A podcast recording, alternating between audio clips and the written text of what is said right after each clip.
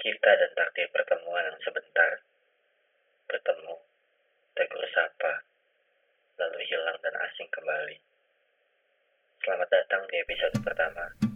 Surat untuk siapa?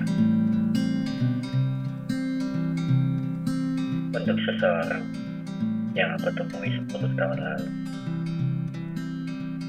Aku tahu semua serba tak pasti.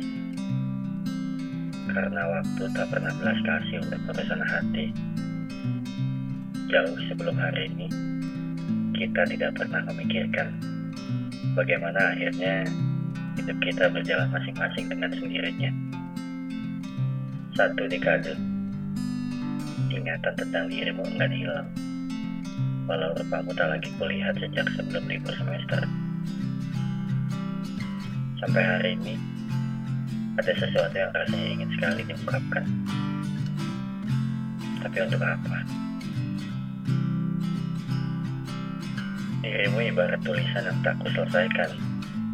Waktu bagai pena dan jarak bagai lembar kertasnya. Keduanya harus saling berdekatan untuk saling melengkapi dan menjadi sebuah cerita yang nyata. Untuk menjadi bersama, kita bukan hanya perkara soal butuh, tapi lebih dari sekadar betah.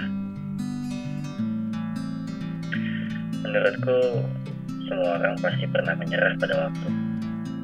Karena jarak sebenarnya memang tak bisa diadu. Sekarang kita benar-benar baru paham kenapa guru mengajarkan kita tentang perbandingan jarak dan waktu di pelajaran matematika. Wujudnya ada pada garis hidup kita dengan takdir yang memainkan perannya. Ibarat matahari sore, pertemuan kita sudah melewati malam yang menua.